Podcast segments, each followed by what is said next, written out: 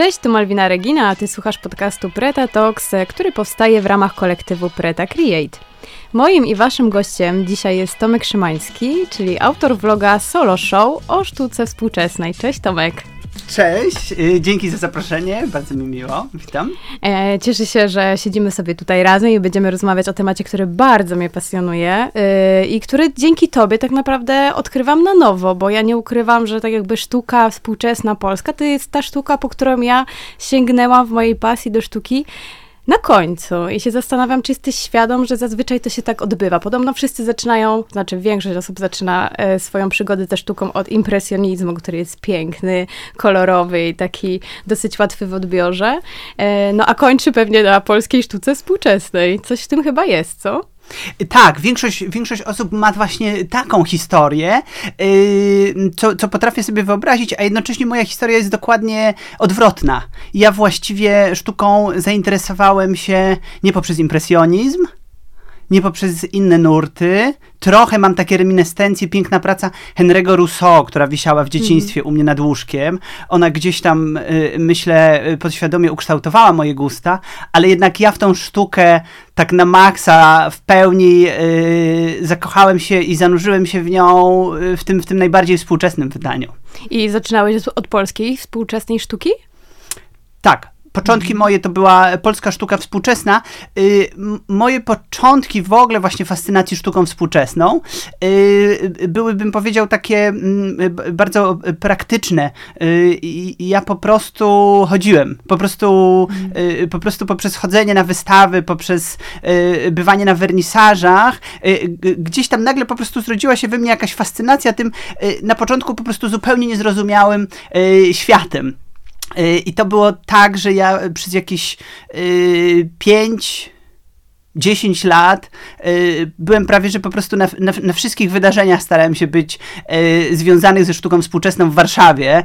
Y, właściwie to były takie okresy, gdzie w jeden wieczór potrafiliśmy ze znajomymi odwiedzić pięć galerii, gdzie, gdzie aktualnie coś się działo.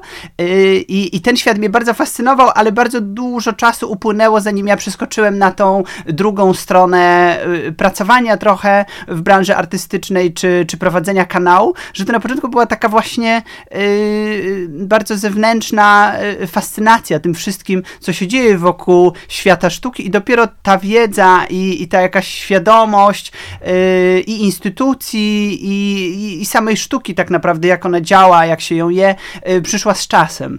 A ty jesteś po jakichkolwiek studiach związanych ze sztuką?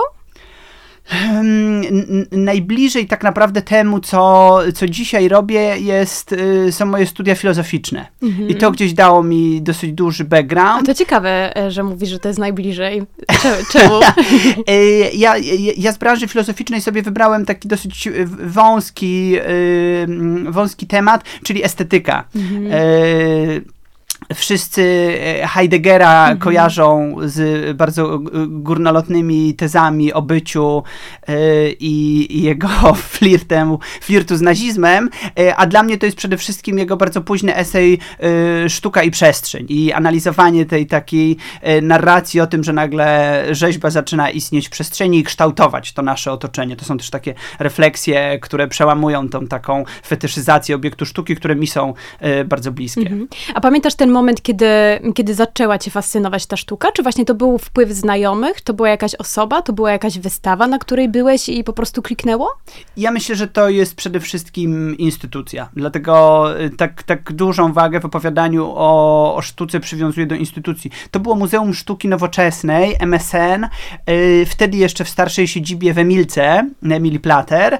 Yy, I to była taka zbiorowa wystawa, z której mi szczególnie w pamięci utkwiła praca Bownika z cyklu Disassembly. Takie wielkoformatowe zdjęcie rośliny, bardzo estetycznie zaprezentowanej, takiej pełnej życia, a jednocześnie ta jej historia, jak, e, jak się dowiedziałem, była zupełnie odwrotna, bo była to roślina pocięta na kawałki i posklejana różnymi domowymi narzędziami, jak spinacze, gumki, recepturki, więc ten taki bardzo witalny, bardzo atrakcyjny wizualnie ta powierzchowność miała tak jakby zupełnie przeciwstawne, mroczne, pełne śmierci, przemijania pochodzenie. I ta wystawa i gdzieś między innymi ta praca y, zbudowały, zaczęły budować we mnie tą taką fascynację i tworzyć wizerunek instytucji kultury, a przede wszystkim sztuki jako takiego pola zupełnie nieprzewidywalnego, fascynującego, zaskakującego, często niezrozumiałego eksperymentu, który po prostu pociąga i w którym tak jakby może zdarzyć się wszystko, jak mm. po prostu Alicja w Krainie Czarów. Wchodzisz do tego y, y, nawet oldschoolowego White Cube'a i, i tam się po prostu dzieją rzeczy, które w pewnym sensie mają bardzo dużo wspólnego z naszym codziennym życiem i wszystkim, co na zewnątrz, a jednocześnie są jakąś taką y, y, zupełnie mm, osobną przestrzenią. Mm-hmm, mm-hmm. Rozmawialiśmy chwilę o tym, że nie nazywasz się ani dziennikarzem, ani historykiem sztuki, bo, bo nie jesteś historykiem sztuki z zawodu. E, nie nazywasz też się krytykiem sztuki. E, Kim więc jesteś? Kim jest Tomek Szymański w całym tym właśnie solo show, które oczywiście też nawiązuje sam, samą nazwą do, do świata artystycznego? E, można powiedzieć... To nie jest takie oczywiste. To dla mnie na jakimś etapie to, dopiero chyba... to zaczęłem. Solo show to jest w ogóle z angielskiego wystawa indywidualna. Mm -hmm. Ja też na początku interpretowałem tą nazwę jako solo show, że to jest poświęcone artystom i że im oddaję w pełni pole. A, a teraz to się zrobiło twoje solo show. a teraz trochę ta formuła się zmieniła, gdzie ja troszeczkę wziąłem tego języka, co przez pierwsze pół roku w ogóle się nie zdarzało. Ja przyjąłem trochę narracji i w pewnym sensie gdzieś tam ja też się stałem bohaterem tego, ale rzeczywiście tym właśnie punktem wyjścia y, to jest to solo show jako wystawa mhm. indywidualna, co dużo osób też mówi, że jest takim chwytliwym zabiegiem, że cały czas w zagranicznej prasie widzą, że o, solo show tak. tego artyści, a już ci się w głowie mhm. przedstawia, że może to mhm. jestem ja. E, tak, dokładnie tak to działa, ale czyli to, to jest super ciekawe, czyli ty tak jakby dajesz... E, swoją przestrzeń teraz no, wirtualną, jeśli chodzi o wideo, do właśnie pokazania takiego solo show artysty, którego odwiedzasz trochę w takim sensie i też w jakiś sposób oferujesz mu właśnie taką wystawę, ale trochę właśnie w tym drugim kontekście, czyli tego twojego solo show, chciałam zapytać o to, czy czy, czy ty czujesz się, nazwałbyś siebie, wiesz, no, influencerem od sztuki? To jest słowo, które jest bardzo pojemne, ale szukam cały czas jakiegoś hasła, które, które mm, może by, by, by do ciebie przykleić. No tak, więc tak yy, mm, mówiąc najogólniej, yy, ja zajmuję się, tak to mm, sobie trochę tłumaczę, szukaniem nowych, atrakcyjnych, komunikatywnych formatów do opowiadania o sztuce współczesnej. To jest tak najogólniej to, co ja robię na co dzień. Nie zamykam się w jakichś istniejących formatach, tylko tak jakby szukam sposobu dotarcia do jak najszerszej mm. publiczności w sposób jak najbardziej komunikatywny z tym, co sztuka współczesna ma dzisiaj do zaoferowania i według mnie jest to na na tyle dużo, że, że, yy, że, że, skupiając się tylko na tych pozytywnych rzeczach, które mnie interesują, ja mam wciąż zapełniony po prostu cały fit instagramowy i, yy, i mnóstwo tematów. Jak ja siebie definiuję? Faktycznie nie definiuję siebie jako y, taki tradycyjnie rozumiany dziennikarz, czy krytyk sztuki tym bardziej. Yy, ja z czasem się oswajam z pojęciem influencer.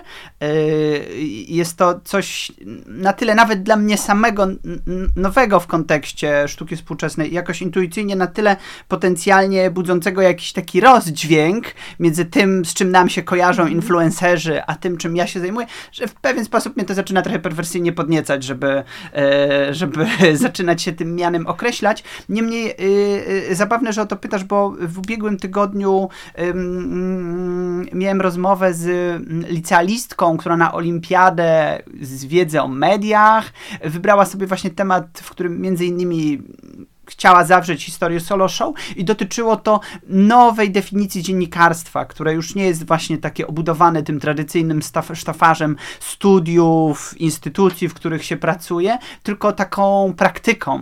Praktyką polegającą na tym, że jesteśmy rzetelni i tak dalej, i tak dalej. Jesteśmy na bieżąco y, i ja myślę, że w tym takim nowym, przedefiniowanym rozumieniu dziennikarstwa y, to, to ten projekt solo show, którym ja się zajmuję, dotyczący właśnie nie tylko właśnie historii, historii sztuki współczesnej, czy nie tego, co już mhm. było, ale też tych najnowszych wydarzeń, ciekawych wystaw, mhm. nowych inicjatyw, no to to się, y, to się mimo wszystko wpisuje zaskakująco dobrze w tą ideę mhm. dziennikarstwa. Żeby też to wybrzmiało, działasz przede wszystkim na dwóch platformach, to jest Instagram e, i tutaj to jest taki skrót rolki, które są skrótem zazwyczaj większych filmów na YouTubie, które można też zobaczyć i które są zazwyczaj kilkunastominutowe, więc to tak proforma, żeby to wybrzmiało i żeby każdy się udał tam, gdzie trzeba.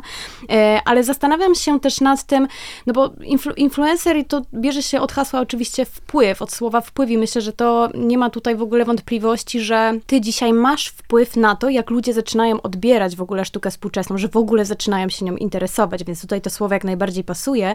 I zastanawiam się, czy to jest tak, że ty trafiłeś w jakąś niszę, która tak naprawdę nie okazała się taką niszą, czy to twoja popularność i też tak jakby prędkość twojej popularności, bo ty zacząłeś niecałe półtora roku temu działać tak no, mocno. Już ponad, już ponad dwa tak naprawdę, mm, ale okay. ten rozwój rzeczywiście... Ale to dalej, jest, to dalej jest bardzo krótki okres czasu i zastanawiam się, czy to też nie wynikało z tego, że brak innych instytucji, które właśnie w taki współczesny i świeży sposób podają wiedzę na temat sztuki współczesnej w Polsce?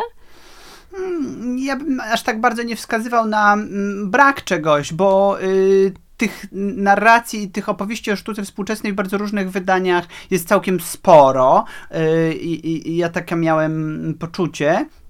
Y, ale moim pomysłem od początku była jedna rzecz, y, że ja gdzieś tam hobbystycznie równolegle do sztuki współczesnej zacząłem się interesować filmem. I dla mnie to wideo było takim kluczem, że, mm, że, że, moje doświadczenie prowadzenia solo show bezpośrednio wynika z mojego poprzedniego doświadczenia, czyli pracy w galerii sztuki y, i pracy nad wystawami, współpracy z artystami, czyli coś, czego większość dziennikarzy, nawet zajmujących się sztuką, nie ma, czyli w praktyce nie nie, y, nie jest w takim codziennym trybie niemalże w pracowniach artystów, nie widzi tych wszystkich etapów powstawania wystaw, raczej spotyka się z tym ostatecznym y, efektem.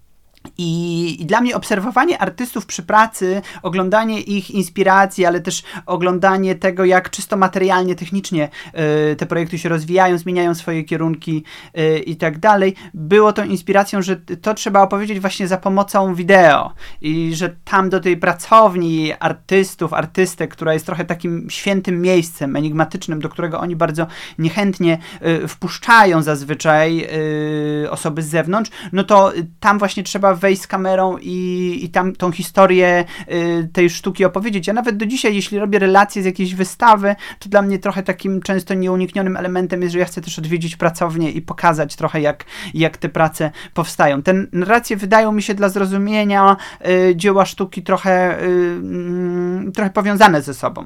I, mhm. I ja od tego nie uciekam, tylko, tylko za tym idę. Mhm. A z jakiego założenia wychodzisz, e, podchodząc do no właściwie produkcji już jakiegoś materiału, albo z jakiego założenia też wychodzisz w ogóle um, u siebie w solo show? No bo jedna sprawa to jest, to są odbiorcy, których już masz, których jest ponad 30 tysięcy na samym Instagramie w tym momencie. Do tego dochodzi jeszcze YouTube, ale też cały czas mówisz, i to było bardzo ciekawe, co powiedziałeś, czyli że ty chcesz dotrzeć do jak największej grupy, grupy odbiorców. I też w jednym z wywiadów, e, którego słuchałam z tobą, powiedziałeś, że e, chcesz dotrzeć w ogóle do ludzi, ma, którzy mają zerowy próg obcowania ze sztuką współczesną. I wychodzisz z takiego założenia, że to są ci nowi odbiorcy, to mogą być ludzie, którzy do tej pory w ogóle mogli się nawet nie interesować tym tematem? Tak, to jest, to jest mój punkt wyjścia przy y, formułowaniu i kształtowaniu każdego materiału, czyli że osoba, która go obejrzy potencjalnie, y, moje podejście jest takie, że ona może zupełnie nie mieć nigdy wcześniej kontaktu mhm. o sztuce współczesnej, a tym bardziej z tymi konkretnymi artystami, o których opowiadam. Problemem opowiadania o sztuce współczesnej w większości y, przypadków jest to, że zakładamy, że odbiorca ma bardzo dużą wiedzę i to buduje tą taką bardzo grubą ścianę. Sprawia, że sztuka współczesna okazuje się hermetyczna, mimo że w praktyce zupełnie taka nie jest, ale często odbiorcy właśnie wskakując na tą głęboką wodę, czytając magazyny krytyczne, yy, mają takie poczucie wyobcowania i niezrozumienia.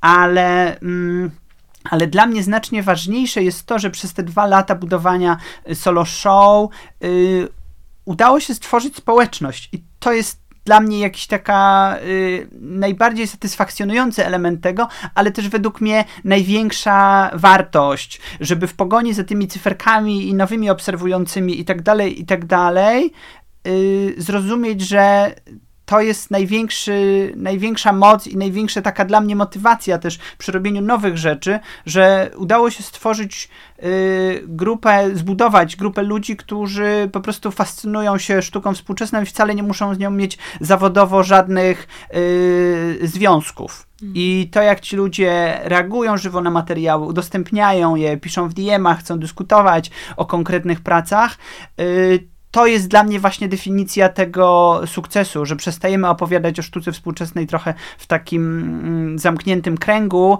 i, y, i dzieje się coś, co dla mnie osobiście jest największą e, właściwie wartością sztuki współczesnej, że za pomocą sztuki współczesnej świetnie się myśli o życiu, świetnie się myśli o współczesności, że ona jest idealnym pretekstem do zastanawiania się nad rzeczami zupełnie praktycznymi, które dotyczą e, każdego z nas. Nawet wczoraj e, ktoś mi podesłał moja partnerka mi podesłała. Pozdrawiamy. Pozdrawiamy Joannę.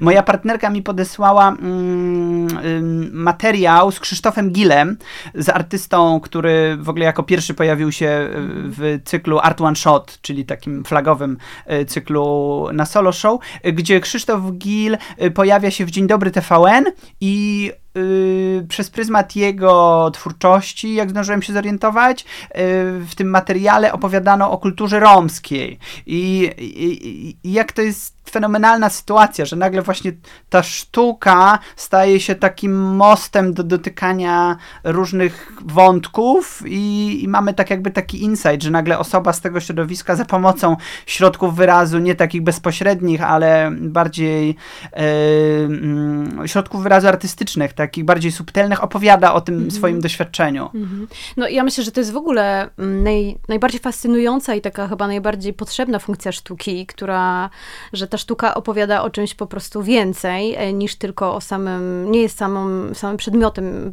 nie jest sztuką dla sztuki po prostu. Teraz ja mam akurat w głowie chłopów, e, którzy mm, poprzez film, który jest też po prostu dziełem sztuki, w jakiś sposób odczarowali dla mnie w ogóle historię, która w szkole była katorgą i nagle się mm. okazuje, że możesz poznać w ogóle rzeczywiście coś, co było dla ciebie e, zupełnie źle ci się kojarzyło przez ostatnie kilkanaście lat i to jest też fascynujące, ale oczywiście też tematy, które, które w ogóle porusza sztuka i e, zwłaszcza sztuka współczesna. ja mam też takie w ogóle y, myśli w głowie, że y, ta sztuka współczesna, tak jak rozmawiam z ludźmi, jest um, trudna rzeczywiście dla ludzi zazwyczaj. Um, ona jest bardzo często niezrozumiała, jest dziwaczna, jakaś taka ofowa i ludzie podchodzą do niej trochę jak do jeża. Um, I to no, pewnie można znaleźć dużo różnych przyczyn, ale wydaje mi się, że to, co jest w niej najważniejsze, to rzeczywiście ona zaczęła opowiadać po prostu też o świecie, w jakim żyjemy. opowiada o tym świecie i pozwala nam poznać też w ogóle właśnie zupełnie nowe światy, nie? Nie wiem, ja, jakie ty masz, jakie ty masz skojarzenia, jak ty myślisz o sztuce współczesnej, tak jakby jaka jest dla ciebie największa wartość tej, tej sztuki? To jest taka wartość, którą możemy sobie przełożyć na nieco popularniejsze pewnie w polskim medium, czyli literaturę. Mm. Czytamy coś i nagle odkrywamy fakt. Ja mam tak samo, tylko nie potrafiłem tego y, odpowiednio nazwać. I nagle z tego nawet prostego bardzo rozpoznania y, wynikają różnorakie konsekwencje. Y, ja, ja, na przykład w ostatnim czasie tak miałem z twórczością Patryka Różyckiego, y, czyli artysty, malarza, który opowiada o rzeczach najbardziej pragmatycznych, y, codziennych, ale też jednocześnie dotykających takich e, męskich stereotypów, a właściwie przełamując je, pokazując na przykład niuanse swojej e, relacji z ojcem. Scena, kiedy leżą obok siebie w łóżku i Patryk trochę chce dotknąć, przytulić ojca, jednocześnie się wstydzi, jednocześnie jego brat stoi obok i patrzy na to i mają, wie, on, on, on wie, że z bratem ojciec ma zupełnie inną relację. Takie niuanse, które właśnie inaczej niż przez ten komunikat wizualny byłoby bardzo trudno wyłapać, yy, to jest coś, coś niesamowitego, co jest ogromną wartością yy, sztuki i często to działa na poziomie takim właśnie zupełnie, y, zupełnie podświadomym, dlatego właśnie z jednej strony bardzo namawiam, żeby y, po prostu na sztukę się otworzyć y, i właśnie jednak nie, nie, nie, nie, wierzyć w tą teorię, że sztuka właśnie jest, e, jest nie, niedostępna, jak się może wydać, tylko, yy, tylko pójść, za tą, pójść za tą swoją pójść za tą swoją intuicją. Mhm. A co mówisz ludziom, którzy podchodzą, nie wiem, nawet idą być może na wystawę e, sztuki współczesnej i mówią, ja tego nie rozumiem, to, to jest jakiś bullshit.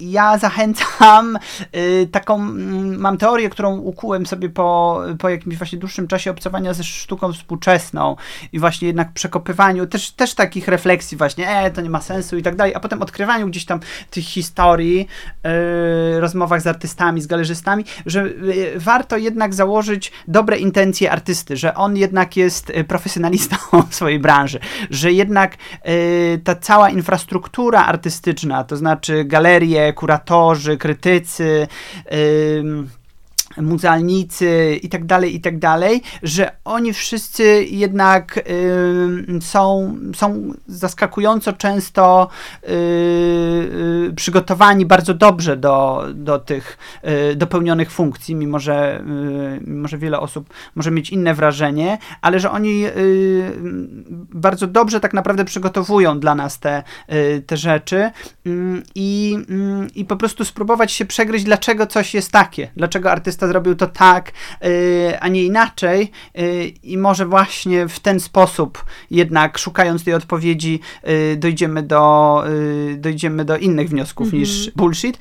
Ja bardzo w ogóle zachęcam też do uczestniczenia w różnych wydarzeniach. Często galerie mają swój program towarzyszący wystawom, różne oprowadzania. W ogóle chodzenie po galeriach, bo to też nie jest dla wszystkich oczywiste. Dla ciebie to pewnie już jest po prostu codzienność i od tego zaczynałeś, ale myślę, że dużo osób, które też nas słucha e, w tym momencie, być może nigdy w ogóle nie było w galerii e, prywatnej na przykład, nie? Tak, bo, to jest właśnie to rozróżnienie. Są galerie, y, ta struktura właśnie mhm. świata sztuki jest taka y, podzielona na kilka etapów. Mamy instytucje publiczne, gdzie na ogół kupujemy bilety, wchodzimy, te wystawy są bardzo dobrze skomunikowane, y, mamy opis wystawy, mamy podpisy pod pracami i mamy też galerie komercyjne, gdzie często opis jest bardzo mały, albo w ogóle go nie ma, prace są niepodpisane i, i nie ma edukatorów stojących na każdym rogu i wychodzących naprzeciw nam.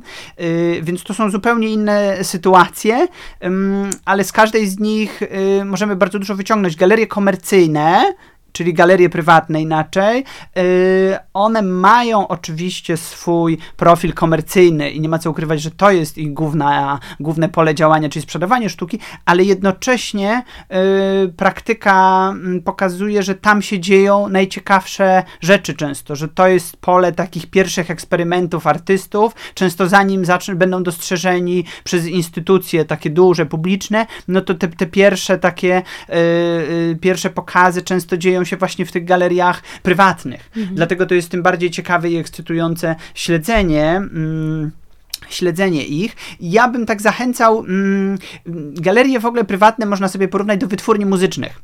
Yy, I, kiedy chodzimy tak z zewnątrz, to wszystko wydaje się mm, bardzo podobne, ale mm, każda galeria ma bardzo konkretny swój profil. I wiele na przykład kolekcjonerów yy, łapie się konkretnych galerii, często na przykład kupuje tylko z dwóch, trzech galerii, bo one gdzieś tam rezonują z ich osobistym doświadczeniem. Te wybory konkretnych osób, galerzystów którzy, i galerzystek, którzy stoją za instytucjami, często wiążą się też z ich osobistym doświadczeniem i, i gdzieś tam tworzą taką bardzo spójną historię, mimo że opowiadaną na bardzo różnych artystów i artystki. Więc to, do czego ja zachęcam, to wejść na stronę na przykład Warsaw Gallery Weekend, czyli mm. najważniejszego festiwalu sztuki współczesnej, który odbywa się we wrześniu, ale nie jest to istotne. Po prostu przyjrzyjmy sobie te galerie, co akurat miały ostatnio do zaproponowania, przejdźmy się po tych galeriach i wybierzmy sobie nawet kilka instytucji, które właśnie gdzieś nas jakoś y, zaintrygowały y, i, i tak jakby od, od punktu do punktu, no. Ja od siebie dodam, że to jest też fascynujący sposób na zwiedzanie miast, e, no zwłaszcza europejskich. Zrobiłam to w Berlinie, pojechałam właśnie na e, dokładnie tak jakby odpowiednik warszawskiego Warsaw Gallery Weekend e, na weekend i w, w Berlinie przez trzy dni chodziłam po tych galeriach sztuki, całe miasto zeszłam, nie wiem ile kroków zrobiłam, ale oprócz tego, że zwiedziłam, zobaczyłam po prostu naprawdę ogrom, ogrom fascynującej młodej sztuki, e, no to jeszcze po prostu poznałam dzielnice Berlina, w których, których nie znałam tak dobrze I też, też super, super naprawdę się zwiedza po prostu miasta, a te miasta europejskie, czy to będzie oczywiście Paryż, Londyn, e, te największe, ale też e, czy Kopenhaga, właściwie to we wszystkich tych takich miastach trendujących w Europie, te galerie zaczynają trochę wyskakiwać jak grzyby po deszczu, co jest właściwie bardzo dobrym, pozytywnym zjawiskiem. Tak, tak, tak. I w Warszawie tak naprawdę ten rozwój y, lokalnej sceny artystycznej y, też wygląda bardzo fajnie. Jest coraz więcej y, instytucji. Właściwie w Warszawie pewnie mniej więcej 20-30 galerii prywatnych w takim trybie ciągłym po prostu prezentuje swoje wystawy i są to rozsiane instytucje po, po całym mhm. mieście, oczywiście z jakimś takim epicentrum, jednym przy ulicy Brackiej, gdzie jest między innymi Gunianowik Galery, Stereo, Wschód, Wanda, Galeria Szara i z drugim na, na Muranowie przy ulicy Dzielnej ale że właściwie ten pomysł na odkrywanie też miasta poprzez galerię i też odwrotny pomysł i taka tendencja, która szczególnie mocna była kilka lat temu, ale, ale wciąż jest ten, że galerie szukają też takich alternatywnych, ciekawych miejsc do prezentowania mhm.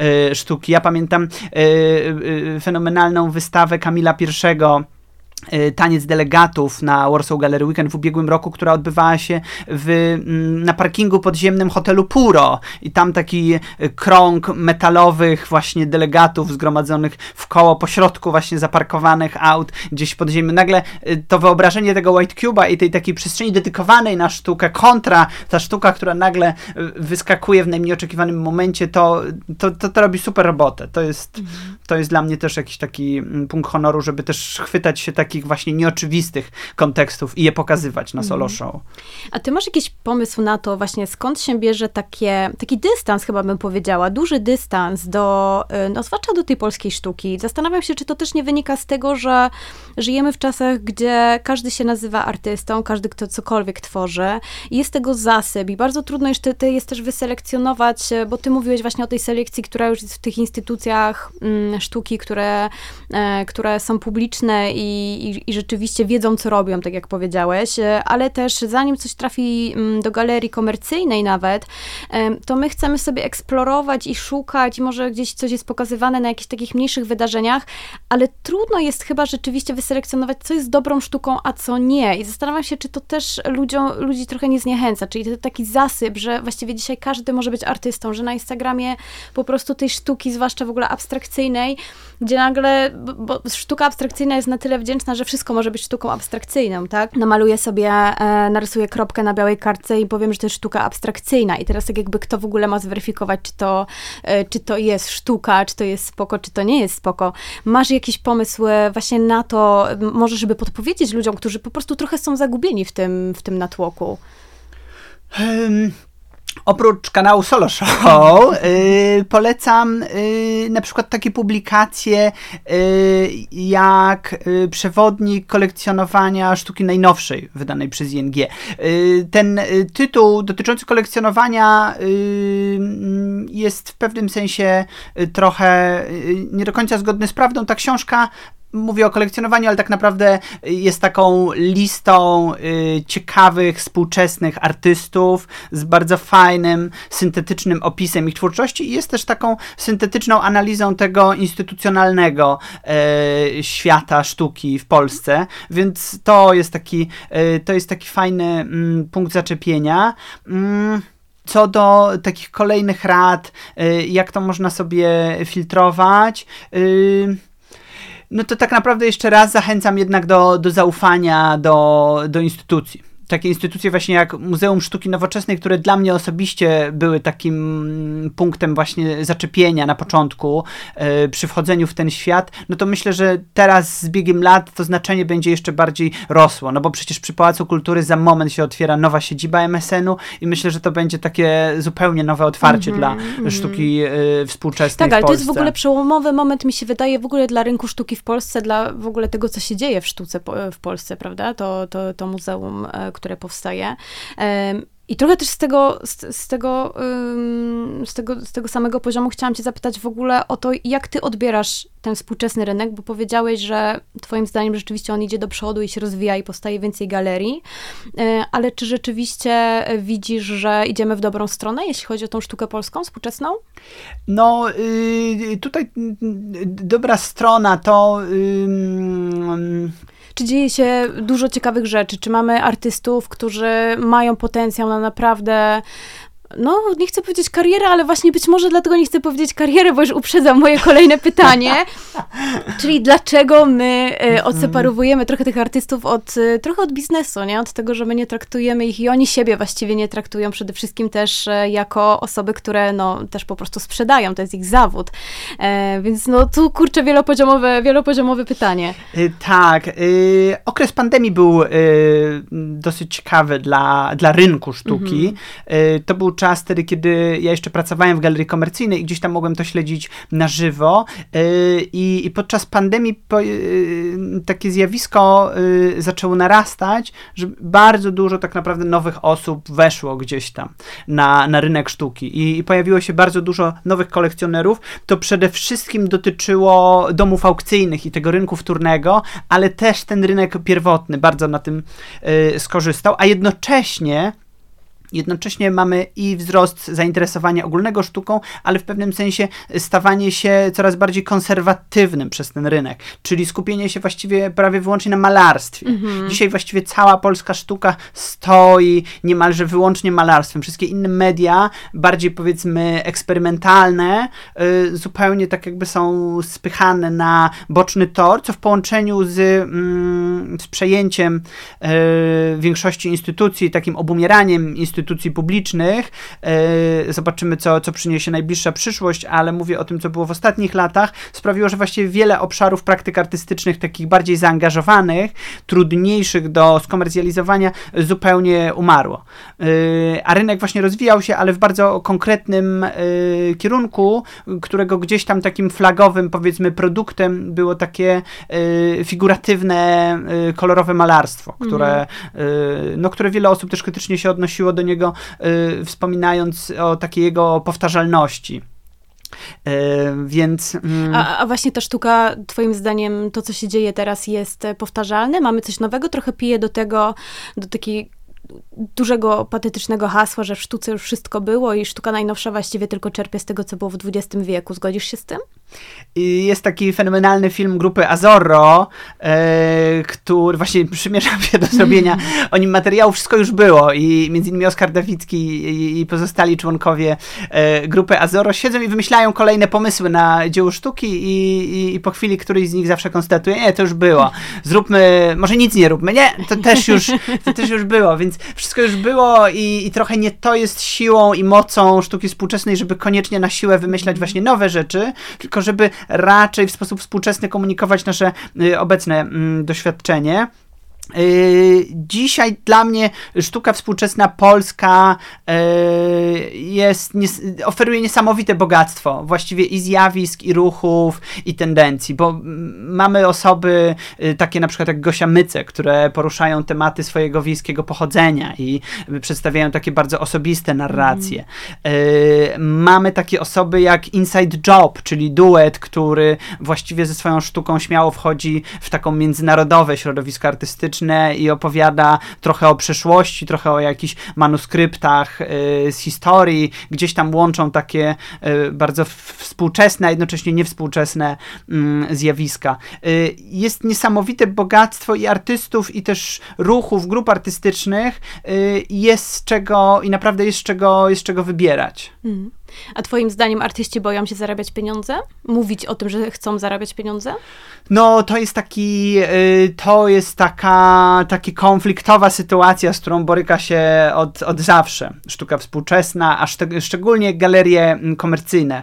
Y, czyli, że z jednej strony jest idea, y, z jednej strony jest ta sztuka zaangażowana, ale mam poczucie, że właśnie dla wielu osób bardzo trudno jest połączyć, że z jednej strony można być zaangażowanym i chcieć na tym zarobić Y, ale ja raczej zachęcam do innego myślenia o w ogóle zakupach dzieł sztuki, że mm, tak naprawdę y, kolekcjonowanie sztuki, kupowanie jej i ten element komercyjny to jest najbardziej bezpośrednia forma wsparcia y, tych artystów, że to jest tak naprawdę to, co dla nich w pewnym sensie jest, jest jedną z najważniejszych rzeczy, bo pozwala im się utrzymywać. Mhm. E, ja jestem zwolennikiem dosyć takiej e, staromodnej e, idei, że ciężko rzeczywiście z powodzeniem zajmować się sztuką na pół etatu, że ci ludzie rzeczywiście muszą zrezygnować ze wszystkich innych tak jakby zajęć, też potencjalnych źródeł utrzymania i zająć się tą sztuką na pełen etat, żeby gdzieś tam z tym dojść, a jednocześnie bez tego właśnie źródła finansowania to jest zupełnie, zupełnie niemożliwe.